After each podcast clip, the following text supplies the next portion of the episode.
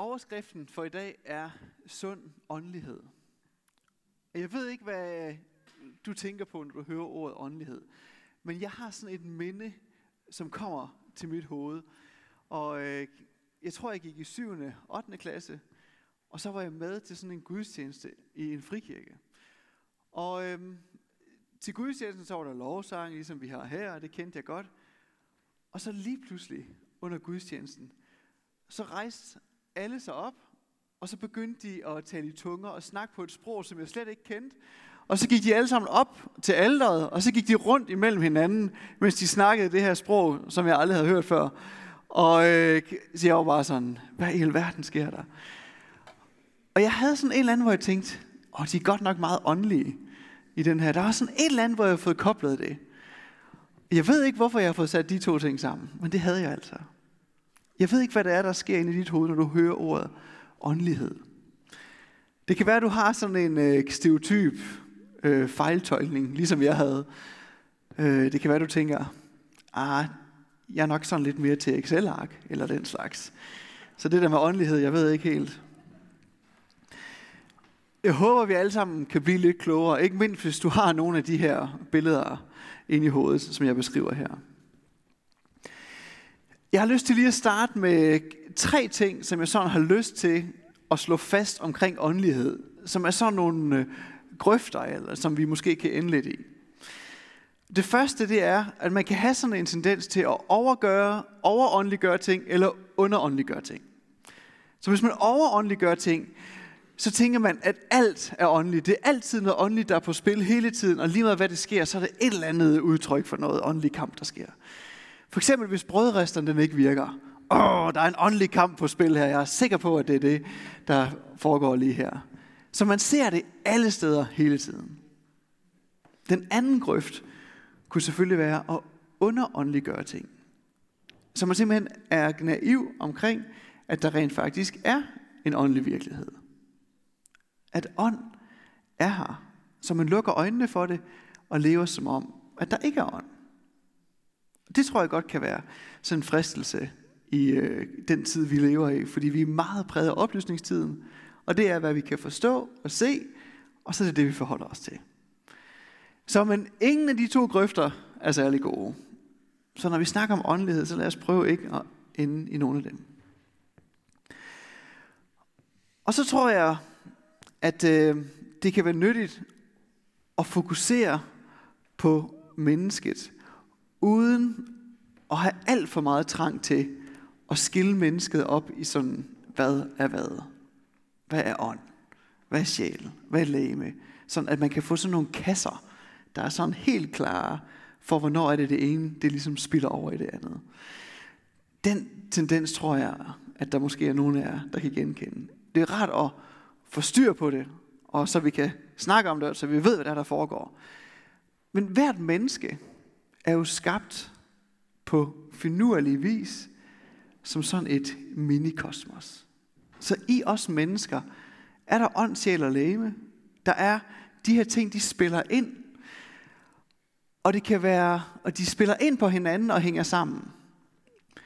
For eksempel har man øh, ligesom lært at acceptere i lægevidenskaben, at de psykiske ting, som vi går og bøvler med, også har påvirkning på vores fysiske helbred. Det er sådan en ting, der vokser. Øh, det har der ikke altid været så meget forståelse for tidligere. Vores åndelige liv spiller også ind på, hvordan det er, vi tænker og hvordan vi forstår verden.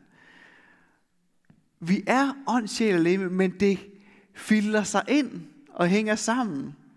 Og vi kan prøve at dele det op i de kasser, for ligesom at vi kan forholde om det, eller forstå præcis, hvad det er, der foregår. Er det ånd, eller er det ikke ånd? Fortæl mig det så. Jamen, jamen det er det, men det er os, og det hænger sammen. Som mennesker er vi bare uigennemskuelige, og det kan være hjælpsomt at have nogle briller. Men vi skal ikke falde i fristelsen til, at vi kan fuldstændig få dissekere det, så vi kan vide, det er ånd, eller det er ikke ånd. Yes. Så vi er mennesker sat sammen på kryds og tværs. Nå, og den sidste ting, jeg vil sige, inden jeg går lidt videre, det er, alle mennesker er åndelige. Der er, og så er det godt at tænke over, at der er forskel på åndelighed og så spiritualitet, eller have en spirituel praksis. Spiritualitet er vores praksis som åndelige væsener. Det kan være bøn, lovsang, gudstjeneste, meditation. Her har vi nogle ting, vi gør sammen, som har et åndeligt sigte. Men uanset hvor glad for man er for de praksiser, praksiser, hvor meget optaget man er af spirituelle praksiser, så har det ingenting at sige, om man er et åndeligt menneske, eller om man ikke er. For vi er alle sammen åndelige væsener. Så bankmanden, der sidder med tallene, og den alternative behandler, er lige åndelige væsener. Yes. Der kan være forskel på, hvor fortrolig man er med ånden. Men det er lige åndeligt, det de sidder og gør og arbejder med. Ja. Så du kan prøve at sige til dig selv, jeg er et åndeligt væsen, for det er det, du er. Så lad os øh, prøve at holde de her ting for øje, når vi snakker om åndelighed. Og øh, så skal vi snakke om i dag, hvad er så sund åndelighed? Ja. Og jeg har fået sådan en, øh, en idé op til den her prædiken, sådan, sådan et billede på, hvad sund åndelighed er, som jeg håber ikke falder sådan helt ned igennem gulvbrædderne. Øh, jeg ved ikke, om den er for kreativ, eller om I kan connect med den. Jeg synes, det giver mega meget mening. Så prøv at lytte med med den mest positive attitude, du overhovedet kan finde. Og så bare lyt efter, er der noget i det, der bliver sagt, jeg tænker, det her, det kan jeg tage med mig og bruge til noget. Ja, tak, Helene. Min tanke er, at det at være et sundt åndeligt menneske, er at være et enfoldigt menneske. Og med enfoldigt, der mener jeg, det er, at man bliver foldet en til en. At det, man modtager, det er det, man giver videre. Så man prøver ikke at lægge noget til, eller trække noget fra, men det, man modtager, det er det, man giver videre. Den livsstil, tror jeg, handler om det at være et sundt åndeligt menneske. Og øhm, Jesus han er jo vores inspiration og eksempel på sundhed generelt. Og hvis man ser på Jesu liv, så det han var optaget af, det var, hvordan kan han give sig selv til andre? Og vi kan se det ultimativt i den store historie. Ikke? Han kom til os. Han var et levende menneske. Og han gav sig selv sit liv. Og jeg vil også mene, at man kan se det på hans livsstil, når man ser, hvordan han er sammen med mennesker, hvad det er, han er optaget på. Han er hele tiden optaget af, hvordan er det, jeg kan give noget videre til dem, der er omkring mig. Så et menneske, der giver det videre, som man har modtaget, en til en, uden at prøve at holde noget for sig selv, uden at prøve at lægge noget til, men at giver det en til en. Og jeg vil faktisk mene, at den her livsstil, den hjælper Paulus os med at forstå i hans brev til romerne, og faktisk i strukturen, som romerbrevet er bygget op omkring. Altså helt ned i grammatikken. Det skal vi lige prøve at kigge lidt på. De første 11 kapitler, der bruger Paulus rigtig meget indikativ på udsangsordene. Og det er der, hvor han, han fortæller simpelthen de første 11 kapitler, hvordan er den virkelighed, som Kristus har vundet for os. Og man kan også kort sagt sige, at han siger, du er elsket. Det er den virkelighed, der er for dig. Og han bruger et billede i de her kapitler også, hvor han siger, det er ligesom en kvinde, der er gift. Når hun er gift, så er hun bundet til manden. Men hvis manden dør, så er hun jo gift. Nej, så er hun jo fri af den binding til manden. Yes, det kan vi godt forstå. Og Paulus han bruger det billede på at sige, det er faktisk det samme måde, med at Kristus har sat dig fri. Ligesom før, hvor du var bundet til, at du skulle gøre noget bestemt, du skulle leve op til noget bestemt, der var noget, du skulle gøre for at gøre Gud glad. Du er fri fra det. Og det, der er sandt for dig, er, at du er sat her, hvor du er fri til at leve op til noget bestemt. Du skal ikke se ud på en bestemt måde, du skal ikke leve på en bestemt måde. Du er elsket. Du er fri. Du er værdifuld.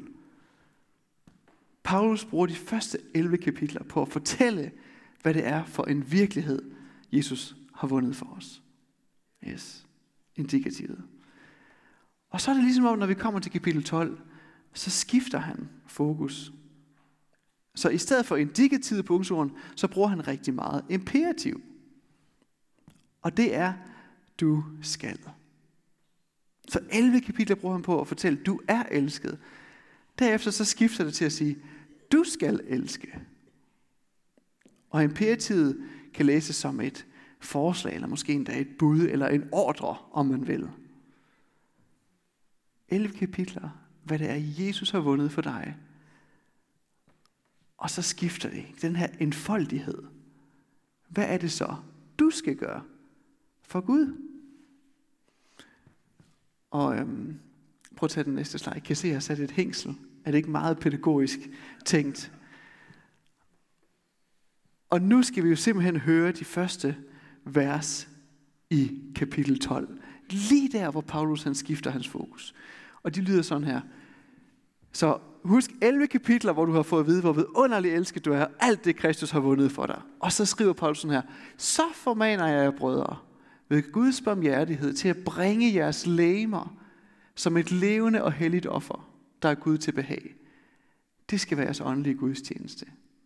Tilpas jer ikke denne verden, men lad jer forvandle ved at sindet fornyes, så I kan skønne, hvad der er Guds vilje, det gode, det som behager ham, det fuldkommende.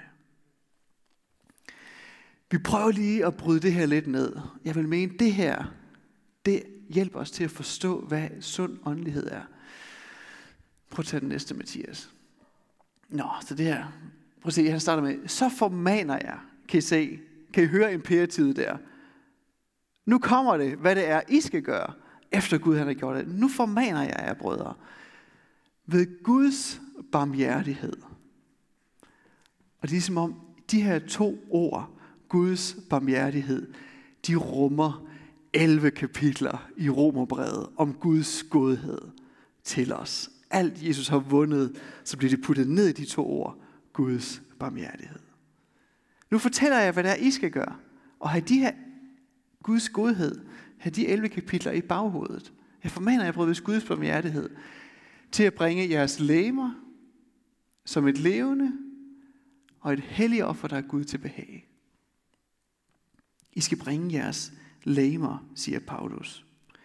Lægemet, det er det hus, vi er, hvor alt det, der er i os, vores ånd, vores sjæl, alt det, vi gør, hvor alt det bor. Så du skal bringe dit læme. Det betyder, du skal bringe alt, du er. Yes.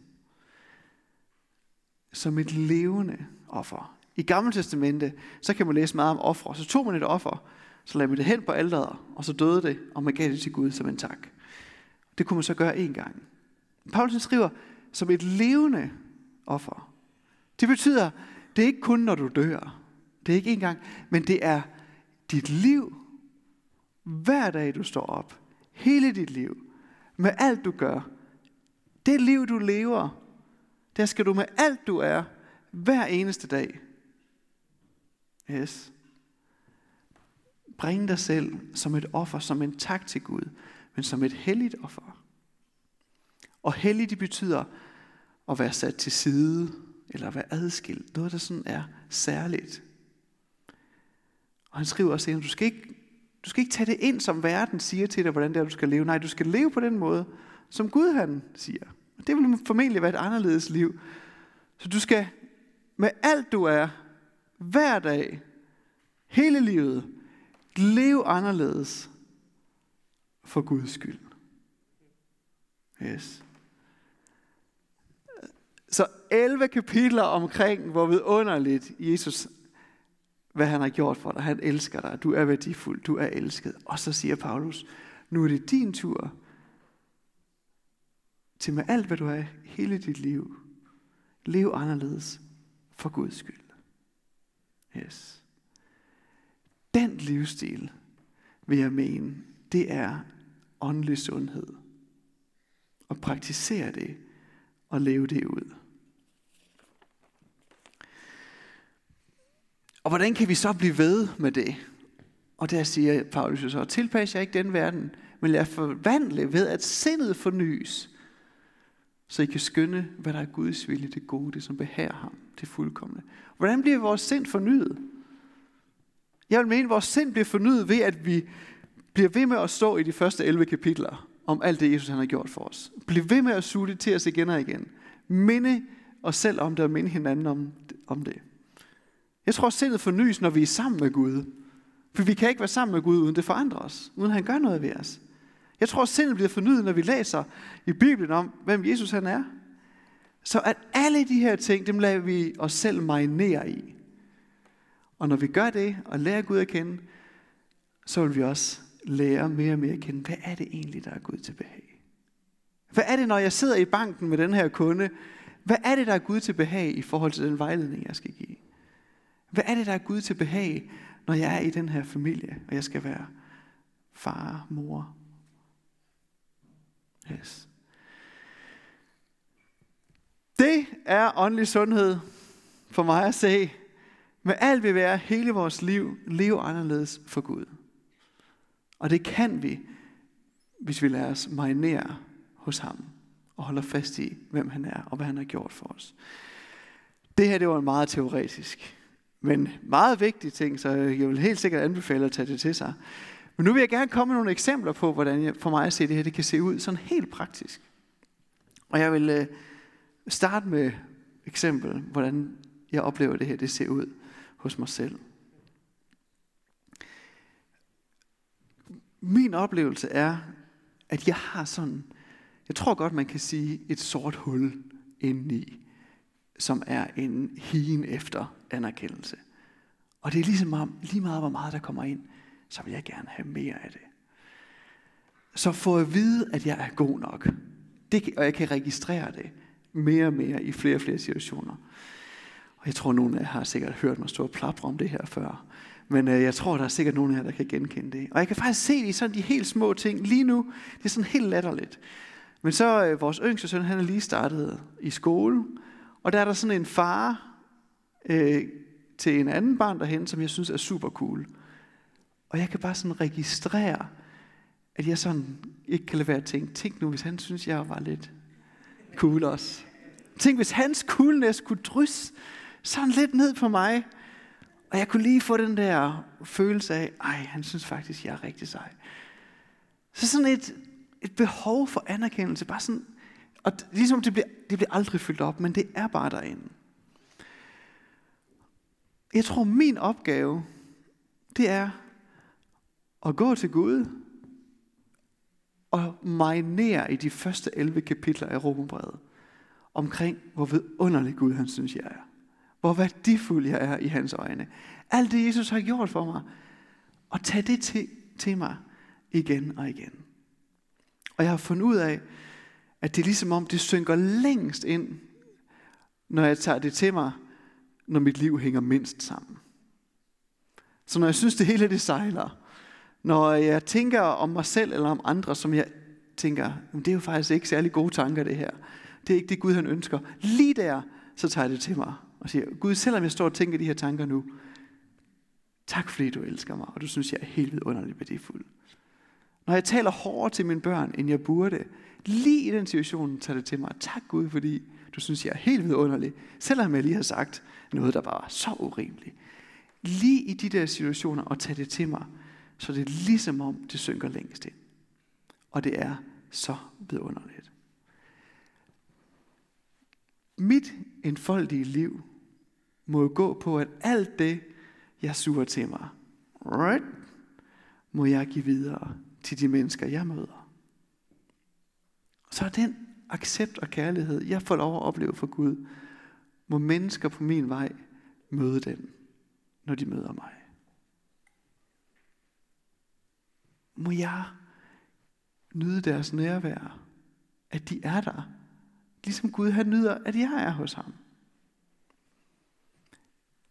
Det tror jeg handler en del af min vandring med det at, være, at praktisere sund åndelighed.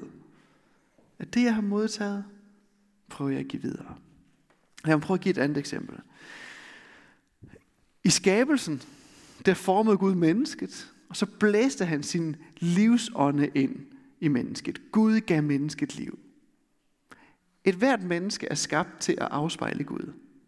Vi er skabt i Guds billede, og hvis folk møder os, hvis de så kan møde Gud i det, så lever vi op til det, som vi var skabt til. Så det vil sige, at vi kan, vi må give liv til dem, der er omkring os, ligesom Gud gav liv til os. Det tror jeg kan se ud på mange, mange forskellige måder. Og da jeg forberedte den her prædiken, så kom jeg til at tænke på mine mekaniker. Jeg er desværre lidt tit nede ved mine mekanikere.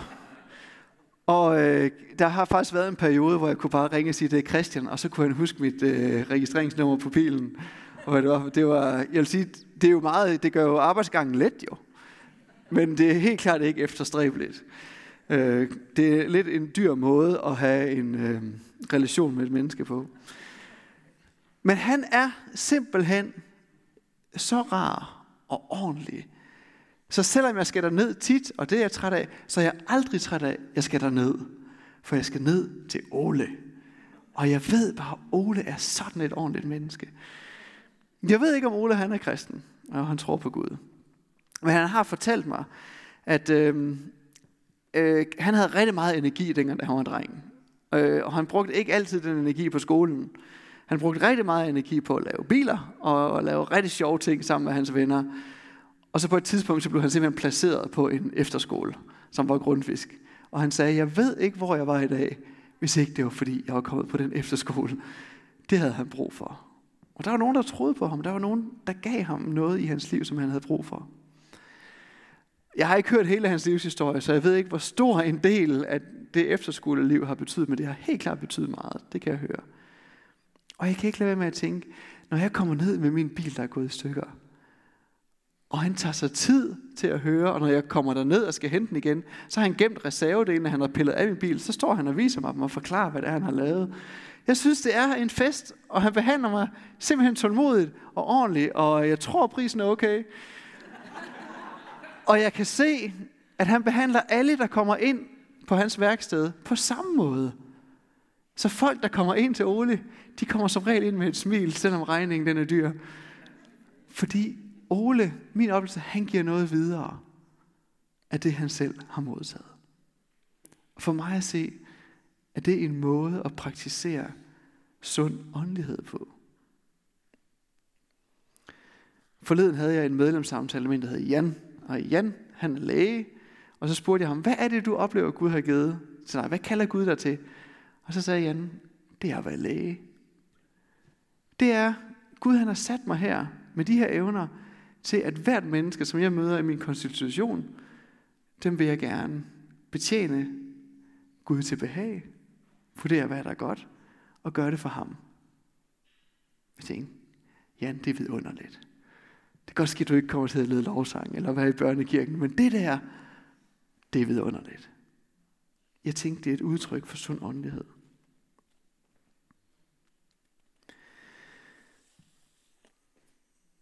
En sidste eksempel, det er, Jesus han er jo vores eksempel til at leve som mennesker. Og, det er jo, og han har smidt en ordentlig investering ind i vores liv, og det er jo derfor, at vi kan leve det her enfoldige livsstil, for han har først sat ind. Men han er jo også inspirationen for os. Og Jesus han siger selv, jeg gør ikke noget, uden jeg ser min far gøre noget. Hvad det er, min far leder mig til. Og jeg forestiller mig Jesu liv, hvor han altid har sådan en løbende dialog med Gud, eller altid sådan en lytten til Gud. Gud, hvad er det, du ønsker at gøre? Så når Jesus ser en, der er syg, så lytter han til Gud. Gud, er der noget, jeg skal gøre for den her syge? Og nogle gange så vil oplever han, ja, jeg vil give dig kraft, som kan gå igennem dig videre til den syge, så den syge bliver rask. Kan I høre den enfoldige livsstil? Det han modtager, det er det han giver videre. Hver gang vi beder for hinanden, så stiller vi os et sted, hvor vi siger, Gud, jeg har ikke noget at give til den her person, men Gud, vil du give mig det, som jeg kan give videre? Det kan være, det er et ord, en opmuntring. Det kan være, det er Guds kraft, som han giver til dig, for at du kan give det videre. Så forbønden er for mig at se en måde, hvor vi erfarer den her åndelige sundhed, den her enfoldige livsstil på. En til en. Vi giver det videre, vi har modtaget. Så uanset hvilken type du er, uanset hvilke præferencer du har i livet, så er du et åndeligt menneske. Og Gud inviterer dig til, med alt hvad du er, hele livet, at leve for ham. Og give det videre, som du har modtaget. Prøv at tænke over, hvor er du i morgen på det her tidspunkt? Hvad er klokken nu? 38. 11.38. Hvor er du i morgen 11.38? Hvem møder du der?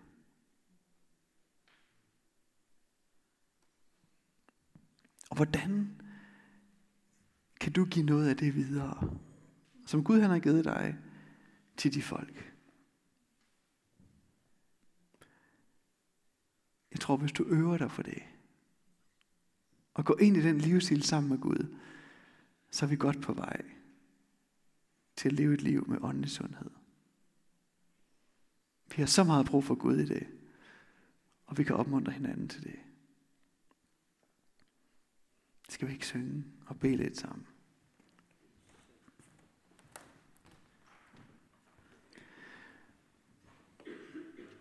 Gud, tak fordi, at din kærlighed til os er helt vidunderlig.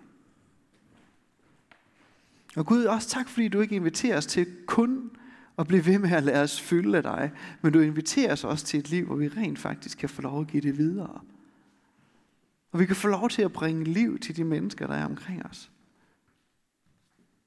Tak, at du vil bruge os. Ikke at vi skal finde det i os selv, men vi må modtage for dig, og vi må give videre. Gud, vi har brug for din hjælp til det. Og Helligånd, vi beder om, at du vil minde os om, hvad det er, vi har at give i morgen kl. 11.38 til de mennesker, vi møder lige der, hvor vi er. Ja. Hjælp os med det. Nu vil vi have tid til, at vi kan synge sammen. Så du kan sidde og tænke lidt over 11.38 i morgen, hvor er jeg, og hvordan kunne det se ud? Det kan også være, at øh, du vil gerne, at der er en, der beder for dig, lytter til Gud for dig. Du behøver ikke komme og sige noget særligt. Bare gå ned, så er der nogen, der vil komme. Velsign der bede for dig. Men ellers lad os bruge tiden, sangen og bønden. Og jeg vil sige, jeg vil virkelig opmuntre jer til at bruge forbønden, fordi det er en gave. Fordi Gud han ønsker at bruge dem, der er omkring dig, til at velsigne dig. Og noget af velsignelsen oplever vi der.